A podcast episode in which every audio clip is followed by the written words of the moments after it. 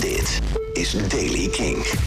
Nieuws over het Mad Cool Festival, Massive Attack, Lana Del Rey en nieuwe muziek van Future Islands en Gerard Way. Dit is de Daily King van donderdag 9 juli.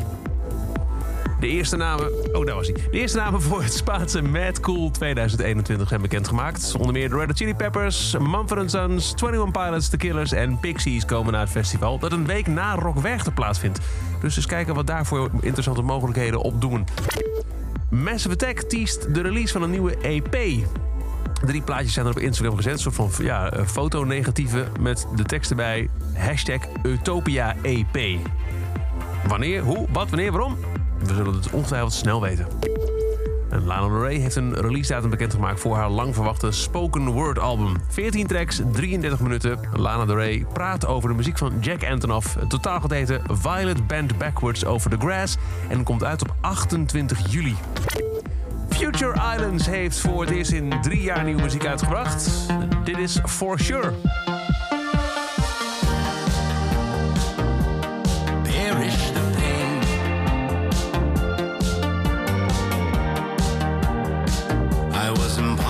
Those ties little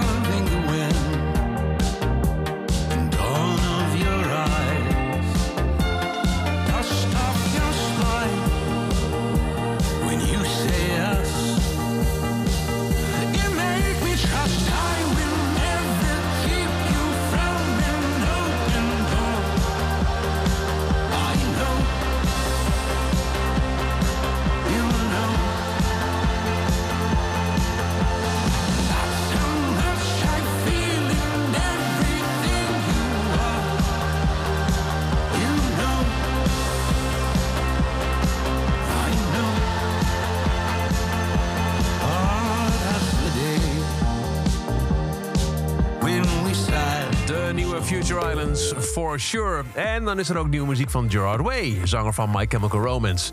Het tweede seizoen van de door hem geschreven Netflix-serie The Umbrella Academy is aangekondigd. En daar zit ook een soundtrack bij. Hij doet het samen met Judith Hill. Zij heeft onder andere nog gewerkt met Stevie Wonder en Josh Groban. En hun samenwerking heet Here Comes the End.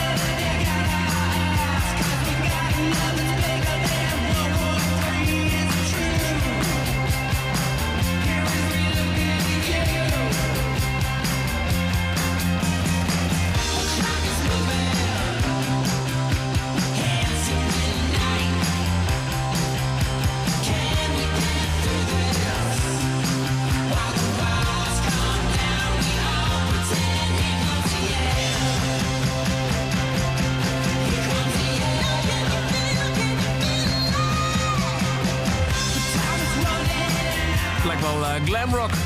Gerard Way en Hill, Here Comes the End. En tot over ook uh, deze Daily Kink, dus uh, Here Comes the End.